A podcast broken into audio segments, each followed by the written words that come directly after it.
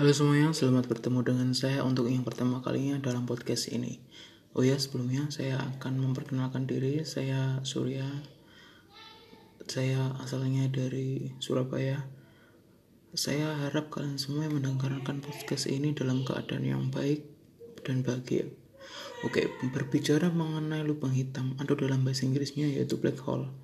Itu merupakan bagian dari ruang waktu yang merupakan gravitasi yang paling kuat Bahkan saya pun tidak bisa kabur darinya. Teori relativitas umum memprediksi bahwa butuh masa besar untuk menciptakan sebuah lubang hitam atau black hole di ruang waktu. Di sekitar lubang hitam ada permukaan yang disebut horizon peristiwa. Objek ini disebut hitam karena menyerap apa pun yang berada di sekitarnya dan tidak dapat kembali lagi, bahkan cahaya sekalipun. Secara teoritis, lubang hitam dapat memiliki ukuran sebesar apa pun, dari mikroskopik sampai ke ukuran alam raya yang dapat diamati. Teori Medan kuantum dalam ruang waktu melengkung memprediksi bahwa horizon peristiwa memancarkan radiasi di sekitarnya dengan suhu yang terbatas. Suhu ini berbanding terbalik dengan masa lubang hitam, sehingga sulit untuk diamati lubang hitam bermasa bintang atau lebih.